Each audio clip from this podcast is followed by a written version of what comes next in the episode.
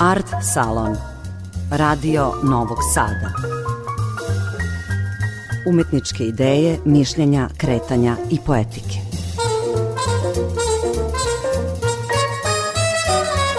Dobroveče. Ja sam Tatjana Novčić-Matijević. Počinje Art Salon, emisija Radio Novog Sada o kulturi. Format u kojem naši sagovornici objašnjavaju, propituju i komentarišu umetničke ideje i prakse, ovoga puta otvoren je za nove glasove. Za pripadnike generacija koje počinju da konstituišu svoje umetničke individualnosti i koji su prvim radovima skrenuli pažnju na sebe. Sagovornici Art Salona večeras su romansijerka Dubravka Rebić i prozaista Aleksandar Tanurčić. Oboje u 30. godinama života, što je dugo u srpskoj kulturi smatrano debitantskim pozicijama. Autori po dva romana, Tanurđić i knjige kratkih priča, oboje pisci Novosadskog Prometeja.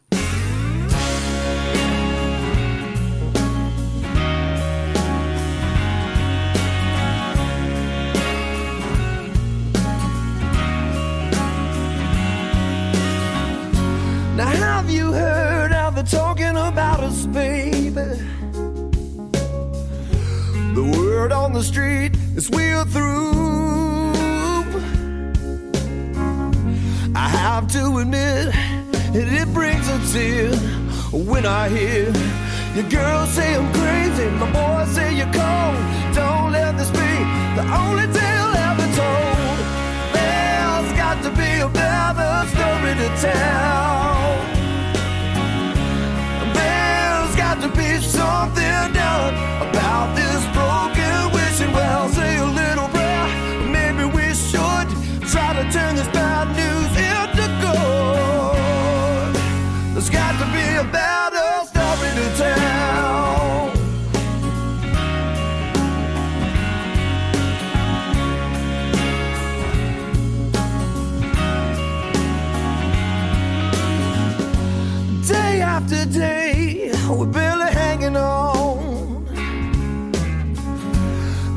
Night after night, you pull away. Sometimes I feel our love is gone. What went wrong? I can't believe it's going this way. Hold on to me. I know we can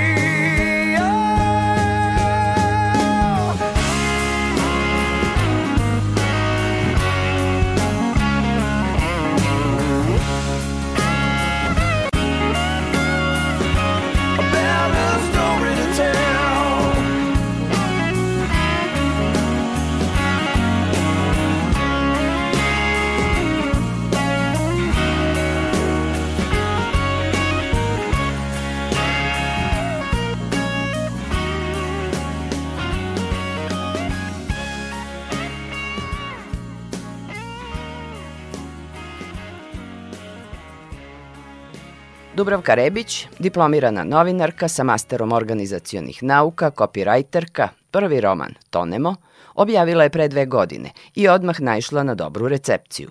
Pre dva meseca objavila je i drugi, Noć pre pada u reku. Ja moram da pitam, s obzirom da nije bazično obrazovanje iz književnosti, možda je ljudima koji završe književnost malo lakše da uđu u svet imaginacije i kreativnog pisanja.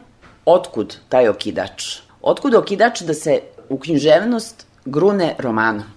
To tako deluje s polja. da, malo nije, nisam išla utabanim stazama. Obično autori prvo napišu zbirku pesama, pa napišu kratke priče, pa objave u nekom časopisu, pa onda se odvaže da napišu roman, ali ja nisam imala ni jasan plan. Pisala sam od uvek, kad kažem od uvek, mislim od nekog tinejdžerskog doba, ali su to više bili neki dnevnički zapisi i nešto što je privatno, što nisam delila sa drugima, ali onda u jednom trenutku, dok sam ulazila u ulogu majke, tačnije dok sam bila trudna, pomislila sam da imala sam neka nerealna očekivanja od majčinstva, mislila sam da sad moj život se završava, sada šta, šta uradim do porođaja, to mi je. I nisam planirala da to bude roman, ja sam to pisala hajde kao da napišem četiri kratke priče, pa možda neka od tih priča da pošaljem u časopis, na primer. I krenula sam inicijalno sa tom idejom, međutim ja sam slala kasnije taj tekst ljudima koji pišu i koji su pažljivi čitatelji i oni su me ohrabrili da ipak to zaokružim kao celinu i da nastavim dalje, pa sam ih poslušala i eto nastao je tako prvi roman Tonemo. to je važna činjenica da su neki ljudi čitali mm -hmm. taj rukopis i sugerisali Da. Jako je važno deliti tekst. Te moje privatne zapise, čak i to da sam podelila ranije, možda bih dobila neke povratne informacije koje bi mi pomogle da pišem bolje i da pišem više, ali nisam se odvažila na to. Meni je bila potrebna veća motivacija. A, ali i bilo mi je strašno kada sam prvi put podelila tekst. Bilo mi je strašno zato što sam mislila kao šta sad ako ta osoba koja piše, koja je u tome ili koja mnogo čita, šta ako mi kaže, ej, ipak mislim da ne treba time da se baviš. Ne znam koliko bih to uh, lako uh, preživela, pošto mi je bilo važno. Ali prevazišla sam to i drago mi je što jesam i to kao kada podeliš jedan sa jednom osobom, mnogo je lakše sa drugom, trećom, četvrtom i čak i onda se i odvažiš da pošalješ i uredniku, potencijalno. Jel, e, su, slali sugestije da se eventualno nešto promeni, neki deo poboljša, način eventualno kako da se povežu te priče. Je li bilo tih profesionalnih sugestija? U početku ne, I ja sam u tom periodu dosta istraživala i čitala o samom procesu pisanja. I jedan od saveta koje sam tu naučila jeste da ne treba sve slušati bespogovorno i ukoliko pošaljem tekst jednoj, dve, tri osobe, četiri, pa se uvidi neki pate, neki obrazac u komentarima, I ako ja osetim da treba da, da izmenim nešto, e onda da izmenim, a ne da jurim tuđi.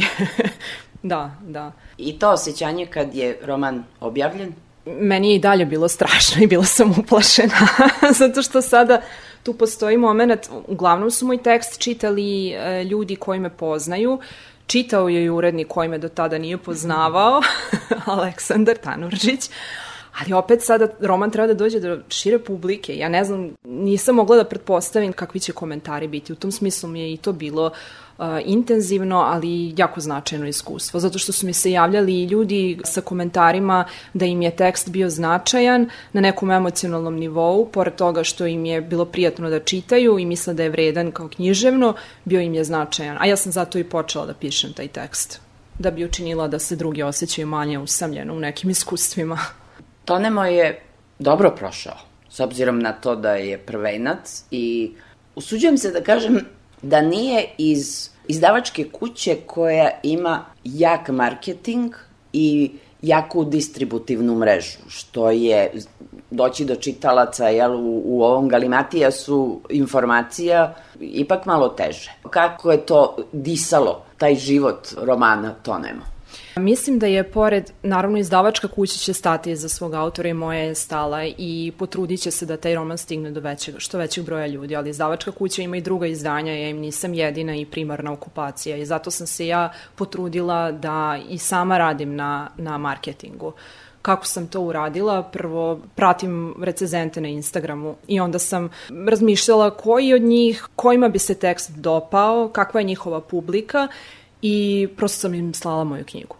I bez ikakve obaveze, znači ukoliko im se tekst svidi, oni će napisati prikaz, ako ne, nema ljutnje, ali sam aktivno radila na tome, povezivala sam se sa ljudima iz tog sveta i to mi je, oni su mi, ja mislim da su mi oni za to, oni su mi najviše pomogli, zato što uh, oni imaju već publiku koja je moja ciljna grupa, da tako to kažem, publika koju ja želim da čitam moj tekst i najbrže ću doći do nje baš preko osobi uh, koje, kojima oni veruju, a to su ti recezenti. Tako da u, to mi je najviše pomoglo i to stvarno preporučujem svim mladim autorima da se povezuju sa recenzentima na društvenim mrežama i da da ne smatraju da je izdavačka kuća jedina koja treba da se bavi marketingom knjige.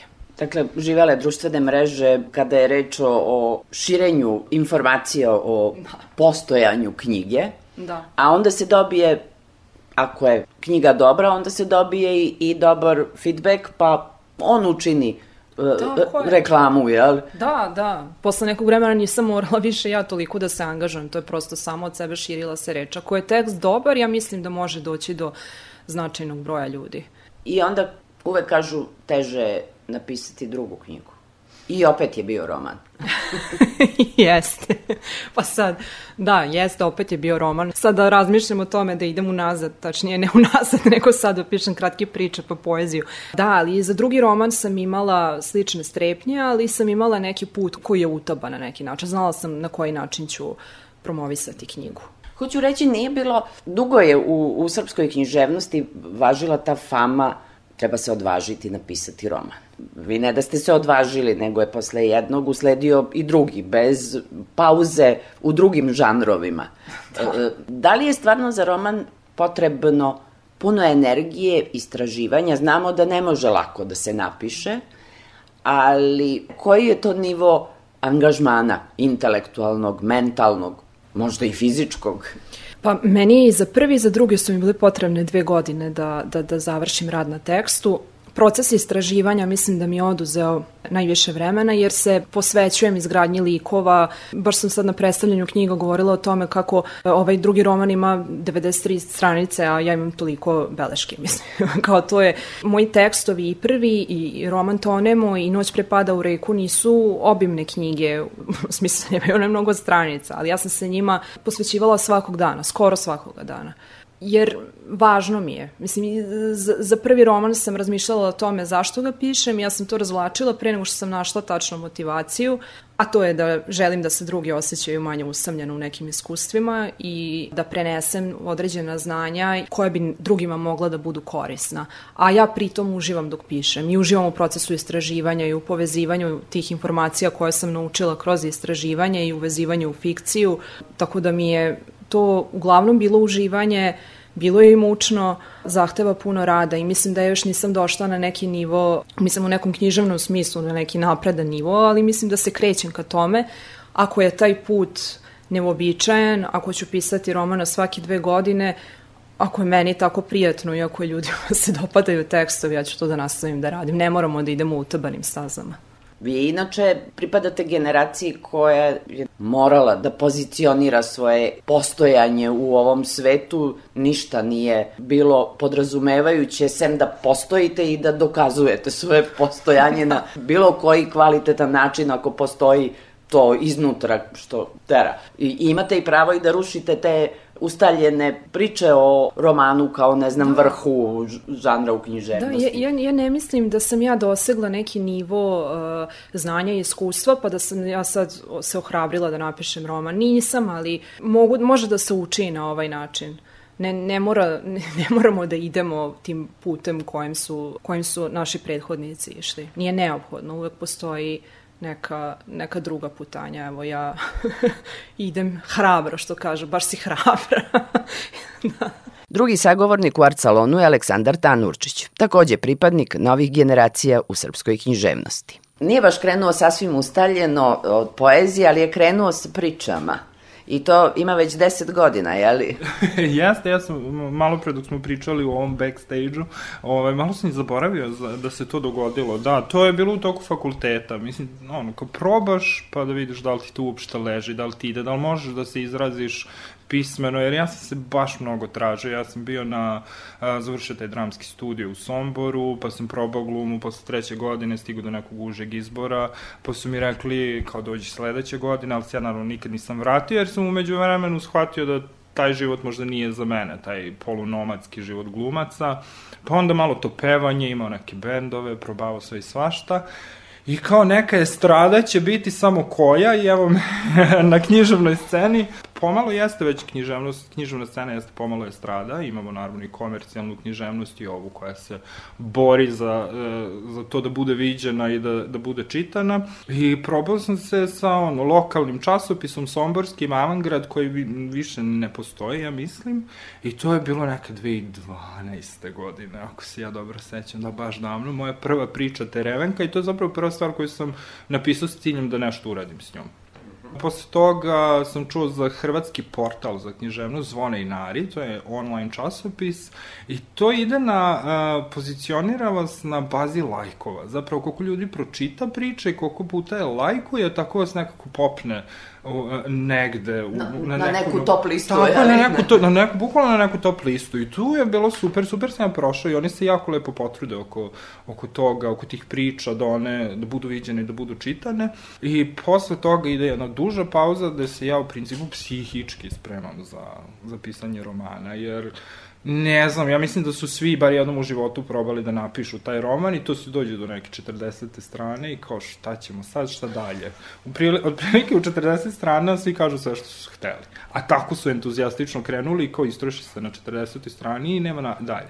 E, da mi se to ne bi desilo... E, a kako ste prešli na 41. Tako je, tako je, da mi se to ne bi desilo, morao sam biti spreman na, na, na taj strah od 40. strane. Ne znam što sam uzeo taj broj, ali je otprilike tako kad napraviš u glavi dobru pripremu, kad si siguran u temu u kojoj si odlučio da pišeš, onda to ide mnogo lakše. A bila je odluka roman posle ovih priča, izazov, provokacija, Jeste, ja sam u prirodi tako što bi e, moja urednica, Korana, rekla da je tvoja škorpionska energija. Jeste, ja imam taj običaj da provociram, ali ne ništa divljački, ništa vulgarno. Prosto izaberem temu koja mene u tom trenutku intrigira. To jeste u prvom romanu bila ta, ta neka zloupotreba religije, jer mislim da je religija takođe zastranila, da se udaljila od svog osnovnog teksta, od svog prateksta, odnosno od Biblije i tih nekih Hristovih nazora. I prosto sam morao, osjećao sam potrebu da ukažem na to da, da, da ne idemo putem hrišćanstva, da mi je sumanuto da popovi, sveti oci da voze džipove, da plaćaju Black Mastercardom i ostalo, jer to nema veze više sa hrišćanstvom. A čuo sam jednu izjavu da prosto moraju da se razlikuju od od, od običnih ljudi, ali nemojte se tako razlikovati. Imamo i dalje Pavla koji je išao i peške i spavao u hladnoj crkvi, prosto je jedno monaštvo je bilo u pitanju i mislim da, da je svet otišao tamo gde ne treba, kada je religija u pitanju i prosto sam morao malo da isprovociram. Tako da, mislim da ja sam uspeo, ali ovaj, da, prosto je bilo suptilna jedna provokacija. i to osjećanje kad se pojavio prvi roman. Jer to je sad za, zaokruženo delo u koricama, pred čitalačkom publikom, pred kritikom, sa tako provokativnom temom. Istina, suptilno, ali svakako oni profesionalni čitaoci će znati da pročitaju, jeli? Pa naravno, da, bio, bio sam provaljen u startu. pa ne znam, nisam, potpuno jedna nesvest vlada kad, kad dobiješ svoj roman u ruke. Ne znam kako Dubravke, ali pretpostavljam da i tebi bilo tako da ko šta držim ja čoveče, vidi ima i korica i piše ime i prezime i sve ima, sve on, onaj predmet kom si se divio. Jer ja, ja, ja sam taj čovjek iz književnosti, ja sam došao iz sveta književnosti Dubrovka iz novinarstva, ali mislim da, e, da se nadođem na, na, na vaše pitanje, to jest na konstataciju da je možda ljudima iz, iz sveta književnosti lakše, koji su završili književnost. Ja mislim da je teže, jer je previše pravila u glavi, previše je struktura, previše toga znaju o tome kako se piše roman i svako zastranjivanje od te neke norme izmišljene će biti samo kritika brisaće se, a možda funkcioniše. I zato da mislim da ti osposobljeni pod velikim znacima navoda ljudi iz književnosti prosto imaju više nekih barijera. To. Ja sam pre svega mislila na čitalačko iskustvo, A to da, iz to da. kojeg m, negde svi pisci kažu da su prvo čitaoci. Evo, Dubravka jeste čitateljka, ali ne, ne primarno tako je. Ali. Da. Hoću reći, taj korpus literature sa kojom se susreće svaki student književnosti, ako i ole ima talenta u sebi, prosto ga negde potera da isprovocira da krene i on nešto, da, da, da, stva, da stvara neki književni To tekst. je ona, ona izreka 50 romana pročitaš, 51. napišeš. I da, moguće, ide, idemo tim, tim smerom, moguće da nam je u tom smislu lakše. Jer prosto uh, lakše osetimo da li je nešto dobro napisano ili nije. Kao ja, ako napišem neki pasus, umrem sebi od smeha i kažem, ja, Stefane, idiote, e, nemoj nikom reći da će ovo napisano, onda prosto uzmeš i obrišeš. I nema ljutnja ni na sebe, ni na koga, samo se nastavi dalje, možeš ti to i idemo lagano. Nema, nema siljenja, zato Dubrovka je dobro ocenila i meni je svaki put bilo potrebno po dve godine da se tu nešto napiše. A da ja osetim da je dobro napisano, da sad, ja sam malo više iskustva od Dubravke, imam više i samopouzdanja kad su ti pasusi i ti tekstovi u pitanju. Ne dovodim ih u pitanje, prosto sam ja zadovoljan, naravno urednik kaže svoje svaki put. Koliko je važno imati dobrog urednika? Upo, to je jako važno, to je baš veoma, jer mi smo veoma subjektivni kad su naši, eto, iz moje izjave malo pre, malo pređašnje, ja sam kao siguran da to valja, ali opet neko treći koji je potpuno van priče, ako mu i nepoznate priče još bolje, ako nema nikakve dodirne tačke sa tvojom pričom, to je još bolje, jer bit će potpuno objektivan. Dobro je imati nekog nepristrasnog, ko te vodi kroz priču. Naravno, urednik se u nekom momentu saživi sa, sa tekstom i prosto, prostane, prosto postane deo priče. I onda je vodi još bolje, zapravo. Mm -hmm. Da, do, odlične su te smernice. Mislim, prva, prva stvar je morate imati talenta, morate znati pisati, jer džaba urednik. Ne može ured... bilo lako ne može... sarađivati sa Dubravkom i dati joj smernice kad vidim da može da iznese sve što sam ja zamislio, i, a poklopilo se sa njenom idejom. Tako da ako ja treba nešto njoj da savetujem, a ona ne može, koja je poenta? Znači, prva stvar je i taj autor mora da, da bude talent. I usta... Puna višanja. Puna višanja, malo ne rekao usta puna zemlje. Nije mi bila namera, uopšte. Pa i on je dobro prošao. Jeste, da. E, prvo, ja nisam imao stvarno nikakve očekivanja. Naravno, želja i očekivanja su jedna, dve različite stvari. Želeo jesam, ali očekivao nisam baš ništa. Kao, prosto je bio napisan i poželao sam mu sreću, sad, dete moje, ide u svet, želim ti sve najbolje, ali desilo se stvarno samo najbolje. Ja sam bio prezadovoljan i svakim užim izborom i za Vitala i za uh, Biljanu Jovanović i imao sam i ovu nominaciju za Selimovića što se dobio od kritike, što mi je opet bilo odlično. Mislim, sve se to dobio od kritike, ali ovo je potpuno, ono, kritičari objave u novinama, ko, za kojih pet romana su se odlučili te godine. Sve mi je to bilo nekako opet, opet jedna neverica, kao ne povezujem se sa tom svojom pozicijom trenutno, trenutnom na književnoj sceni, a to sam ipak ja. Ja sam onaj dečak što je rastao u jednom selu, malom, kome mama i tata nisu bili režiseri, glumci, pevači, kulturni radnici, što god. Prosto smo došli nijotkuda, odakle se iz Riđice, gde je to, to vam ostane u glavi, ja mislim, zauvek.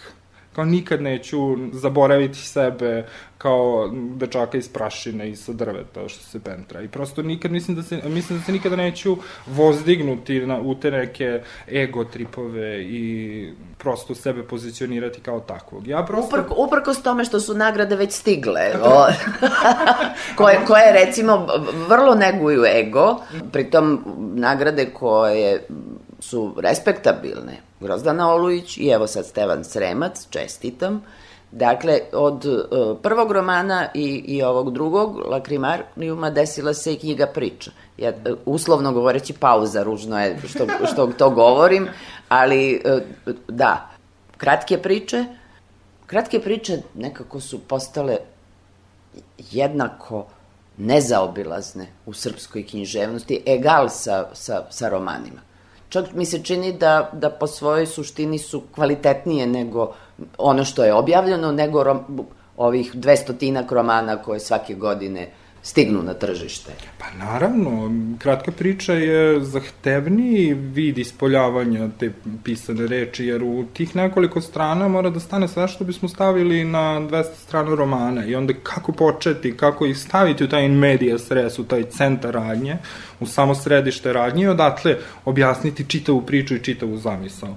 I onda, mislim da je mnogo zahtevnije napisati zbirku priča, tako da ja nikad ne bih prevideo na književnoj sceni. Uvek ću se odlučiti da pročitam nečije priče, jer one su, e, mnogo su nekako ličnije to je baš jedna intimna spona pisca i, i priče, samog teksta, jer nema vrludanja, nema digresija, nema ničega. To je jedna čista emocija izolovana na tih 4, 5, 8 strana, I tu vidimo zapravo samog pisca. Koga u romanu ja se ne, lično ne povezujem ni sa Stefanom Jakovom, a ni sa Anom koja prolazi kroz van telesnu oplodnju, taj čitav proces, mislim prosto i ne mogu, ja, ja. Ovaj, ali zato me ima u svakoj priči. To je nešto lično doživljeno, samo je dato nekim drugim likovima da to iznesu.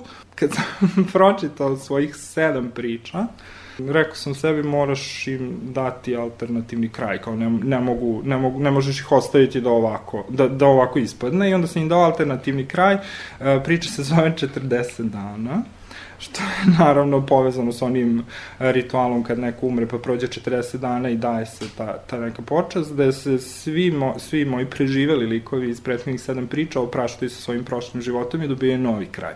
I zapravo time im dajem novi početak. Tako da ja hteo nehteo i od tih priča nekako ih zaokružim pa to ispadne povezano i još jedan neki manji roman, recimo.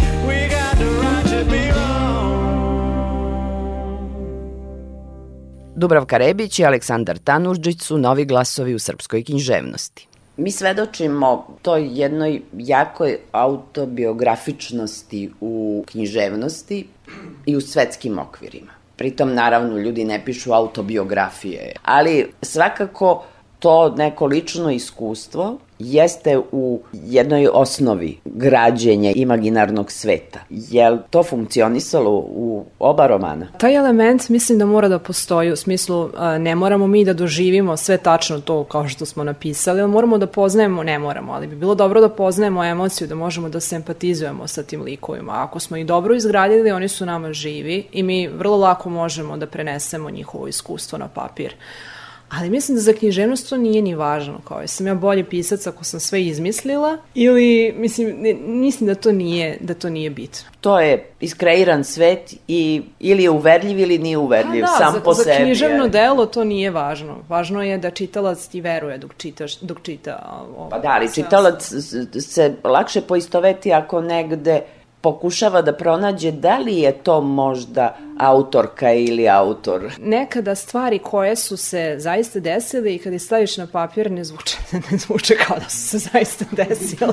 ne znam da Sala ima tako iskustvo, tako da ne mora to ništa da znači. Meni se, meni se stvarno isto mi se dešava kada čitam delo od autora koga lično poznajem, mozak mi sam traži neke obrazce, kao povezuje, ali mislim, skloni smo svi, ne svi, ali većina ljudi je sklona tome, ali neću doći i pitati ga kao, je ovo se ovo stvarno desilo, mislim, kao, nije, za, za književno delo nije, mislim da nije važno. Da, isto, isto mislim, a s druge strane postoje neke životne priče koje nijedan urednik ne bi odobrio, znaš, kao, ja, ja prvi, znaš, kad, kad neko iznese tu svoju autofikciju, ja kažem, mislim da ipak moraš, književnost funkcioniše mnogo drugačije od, od stvarnog života, tako da ne mora biti lična priča, a s druge strane i kad piše ljudi koji, čiji dnevnici su objavljeni, ja mislim da su oni znali da će ti dnevnici biti objavljeni i da se ta stvarnost u mnogome ulepšava za slučaj da neko pročita. Malo ćemo slagati i sebe, zato ja, ne, na, autofikcija je veoma klimava stvar, ali to je meni u redu dok je književnost. Zapravo, ovo je trebalo da bude uvod u moje sledeće pitanje, a to je lično iskustvo koje nosite,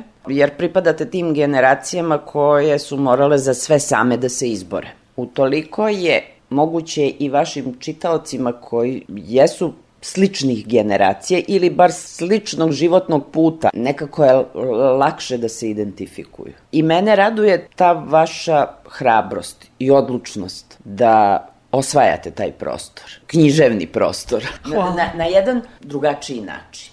Ne govorimo o kvalitetu, nego naprosto oseti se da je u srpsku književnost da su stigli novi glasovi, koji su prilično suvereni. Hvala vam na komplimentu. Da, značajno mi je da to čujem. I nastojaću da taj glas bude jak kao što je do sada i jače. Hoću reći, jel se čitate međusobno, jel razmenjujete, ne mislim samo vas dvoje, nego prosto ljudi koji su tu negde vaših godina, uslovno govoreći, a prisutni su. Da, da. I ja sam isto na, na radionicama kreativnog pisanja sam upoznala neke mlade autore, isto i na, na radionici pisanja poezije i kada imamo nešto novo, neki, da li pesmu, tekst, pa prosledimo mailom, dobijemo ovaj, povratno. Mislim, ko će bolje pomoći nego ljudi koji su u tome, koji imaju talenta za pisanje i koje more slične brige. Pa da, mislim da smo da je razlika u tome što smo manje sujetni, ja bih rekao, jer je prosto se oseti i ta vrsta podrške nas koji smo u istom sosu. Dubravki novi roman, ja ću ga naravno pročitati odmah čim mi stigne u ruke, čak i pre nego što izađe iz štampe, jer sam tako u prilici. Pričat ću o njemu, pričat ću o njemu drugim ljudima. Dubravkin uspeh je uspeh naše generacije. Moj uspeh je isto tako važan i nju, jer smo mi ti novi koji se borimo za, za tu neku poziciju u književnosti. Strašno me nervira ta pozicija u književnosti. Prosto, šta to znači? Da se mi zapravo s nečim borimo. A s čim se borimo? Borimo se sa, nažalost, sa starim piscima, koji nam i dalje zauzimaju mesto i mi se tu guramo i, i često ćemo čuti imate vi još vremena. A nemamo vremena. Doći će nova generacija. Svako mora da se bori za sebe. Nemamo mi kad. Imamo prilike, ali nam treba obezbediti taj neki period našeg delovanja, jer knjige će promeniti svet, knjige ga menjaju. I sad, e, šta može neko... Ali, ali ja sam shvatila da ste vi tu vrlo proaktivni Jesmo. u osvajanju tog prostora, Naravno, tih pozicija. Morali, jer smo morali. I dalje smo mi u, u nezavidnoj situaciji. Niko ne želi da bude zapravo na našem mestu. Svima je to divno sa strane i ja osvajam nagrade i Dubravka se razmahala i super joj ide, ali niko zapravo ne bi bio na, na našem mestu. Jer to znači i mnogo odgovornosti, i mnogo obaveza, i mnogo rada, sve to izgleda divno sa strane. Mm, Da, i kao ja ću ići u Niš i da i bi gostovaću kod eh, studenta književnost i šta ja pametno njima da kažem, kao prvo što ste upisali književnost, da li ste vi normalni? A ako među njima sedi neki novi Tanurđić Meni će biti mnogo drago zbog ili neka toga. nova Dubravka I, e, tako je, tako je. I e, pre svega mislim da treba znati kad se staje sa pisanjem književnosti. Ali Mislim da- prerano je za tu priču. A, pa Iz vaše da. pozicije je prerano. Naravno, naravno, mi smo tek, recimo, uslovno rečeno smo tek krenuli, ali zapravo za ovo se pripremaš ceo život, sve te vodi no, ka ovome. Ne, ne, nismo mi ni imali toliko izbora mnogo. Ako smo želeli da uradimo bilo šta, jer upisati društvenu nauku je sumanuto samo po sebi, ne samo sad, od uvek je bilo, I ako smo već to uradili, ako smo već uplovili u, u taj svet, u taj način življenja, pa daj da uradimo najbolje što možemo. I ko može da nas preči, ne može niko osim nas samih. Ako se u nekom momentu uplašimo, ako smo nesigurni, ali opet tu smo jedni za druge i posticajni smo. Bio je to art salon u kojem su Dubravka Rebić i Aleksandar Tanurđić govorili o svojoj umetnosti, o borbi da bude vidljiva, o generacijskoj empatiji i sinergiji. Nešto poput saveta onima koji će se tek odvažiti da napišu svoj prvi književni tekst ili osjećaju i prepoznaju da imaju talenta ili ih žulja da zabeleže misao o svetu u kojem žive. Narednog utorka nove priče o umetničkim idejama i praksa. Mirnu noć i dobre snove želi vam Tatjana Novčić-Matijević.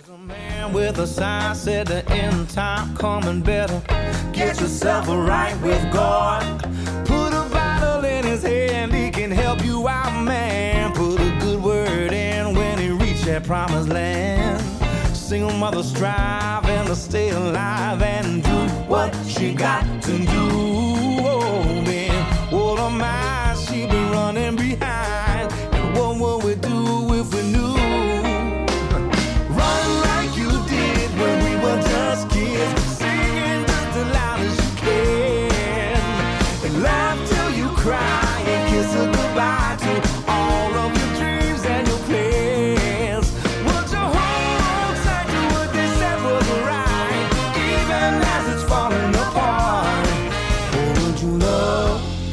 it's the end of the world? Would you love like it's the end of the world? Say, would you love like it's the end of the world? Would you love like it's the end of the world?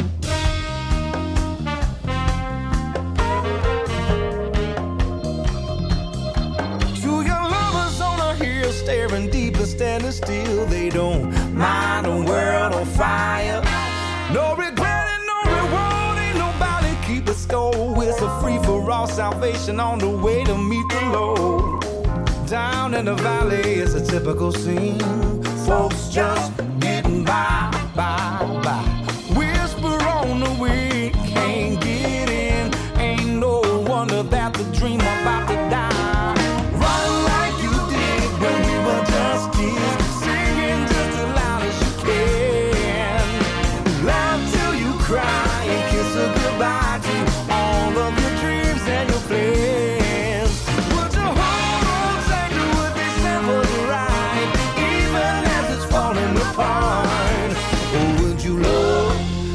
it's the end of the world? Would you love like it's the end of the world? Say, would you love like it's the end of the world?